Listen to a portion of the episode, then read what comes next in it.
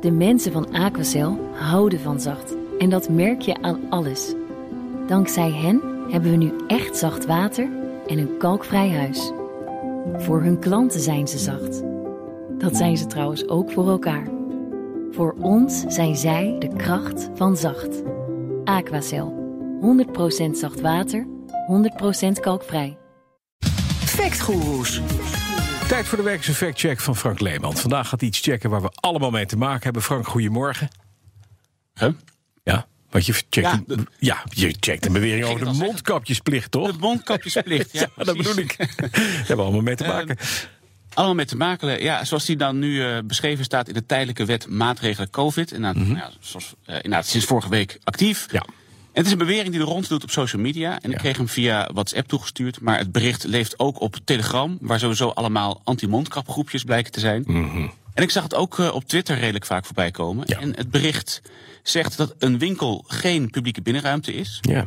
En volgens het bericht was hier een rechter al eh, heel duidelijk over. En daar halen ze een uitspraak aan. Ja, uit 2014, dus dan jurisprudentie. Daar highlight is het stukje waar staat... de voorzieningenrechter is van oordeel dat een winkel geen publieke ruimte is. En eh, ik ben altijd best goed gelovig bij dit soort dingen. Dus dat lees ik dan. denk ik, nou ja, rechtspraak erbij. Dat klinkt eigenlijk, eh, Klinkt wel eigenlijk goed. best goed. Ja. ja. Maar Maar ja, is die winkel in publieke ruimte? Want dat heb je voorgelegd aan een aantal mensen, hè? Dat heb ik inderdaad eh, voorgelegd. En nou, dus laten we beginnen met, die, met een definitie voor de publieke ruimte. Ja, Wat nou, is die en hoe zit dat? Nou, sorry, ik begon hem al te starten. Komt-ie. ja, nou ja, kijk, je, het publieke ruimte is eigenlijk een verzamelnaam voor eh, openbare plaatsen en voor publiek toegankelijke plaatsen. En winkels, cafés, bioscopen, die vallen onder het begrip voor publiek toegankelijke plaatsen. Punt is, deze begrippen, deze plaatsdefinities, die zijn eigenlijk nergens in de wet specifiek zo uitgewerkt. Nou, dat is mooi. Eh, het staat niet specifiek uitgewerkt in de wet. Poeh, dat is Nee, lastig, hè? Het is lastig. En dit was Adriaan Wierenga, die is lector aan de Universiteit van Groningen. Met als expertise openbare orde en eh, emergency law, de spoedwetten. Mhm. Ehm, ja, er wordt niet veel over gezegd. En wat er bijvoorbeeld wel wordt gezegd. In bijvoorbeeld de wet openbare manifestatie, die hier niks mee te maken heeft. Maar goed, daar bij artikel 1 staat. Onder openbare plaats wordt verstaan een plat, plaats die krachtens bestemming of vast gebruik open staat voor het publiek. Dus ja, hoe ga je daarmee om? En dat vroeg ik ook aan de heer Wieringa. Van hoe doe je dat in het licht van deze COVID-19 spoedwet? Ja, en dat betekent ook ehm, dat omdat dit geen, eh, niet allemaal harde juridische begrippen zijn, zeker niet in de context van deze wet, eh, dat je ergens ook kunt vinden eh, hoe het precies gedefinieerd moet worden.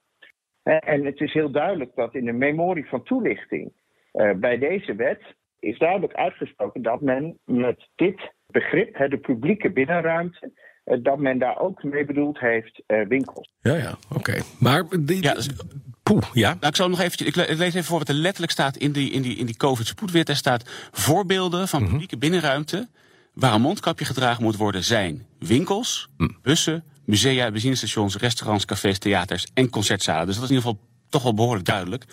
Sterker nog zo duidelijk dat we hier eigenlijk zouden kunnen stoppen. Precies, ja, maar wacht eventjes. We hebben nog die jurisprudentie-uitspraak van die rechter uit 2014, toch?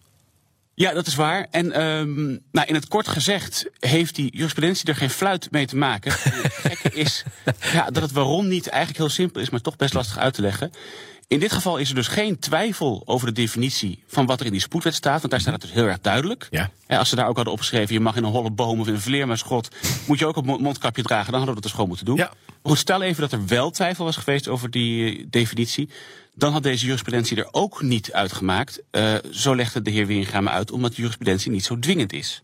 Wat je over jurisprudentie kunt zeggen, is dat het altijd gaat om een specifieke zaak waarin een rechter een oordeel geeft. Ehm, het is niet gezegd dat in een andere zaak ook weer datzelfde oordeel zal. Dus, Frank, conclusie. Dat lijkt me heel duidelijk. Deze eh, jurisprudentie telt niet mee. Wat kunnen we stellen over eh, de beweringen die rond, eh, rondgaan op, op Twitter, Instagram en WhatsApp? Winkel is geen publieke ruimte. Rechtspraak ondersteunt het. Want daar het op neer. Nou ja, het is eigenlijk in het kort gezegd gewoon een waardeloos bericht. Ja. Waar niks van klopt. Ja. Het klinkt zo goed, maar er klopt helemaal niks van, want het is heel duidelijk gedefinieerd. Dus als iemand dit tegen je zegt of doorstuurt, dan kan je gerust hard zetten dat het echt totale onzin is. Maar het stond op Facebook. Ja, dat maakt dus niet uit. Ja, Ja, Oh, ja, ja. ja. Ja, ja, Maar er moet dus wel een mondkapje voor je. Face. Boek. Ja. Dankjewel, Frank Leeman, onze fact guru. De mensen van Aquacel houden van zacht. En dat merk je aan alles.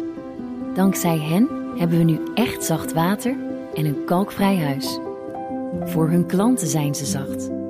Dat zijn ze trouwens ook voor elkaar. Voor ons zijn zij de kracht van zacht. Aquacel. 100% zacht water, 100% kalkvrij.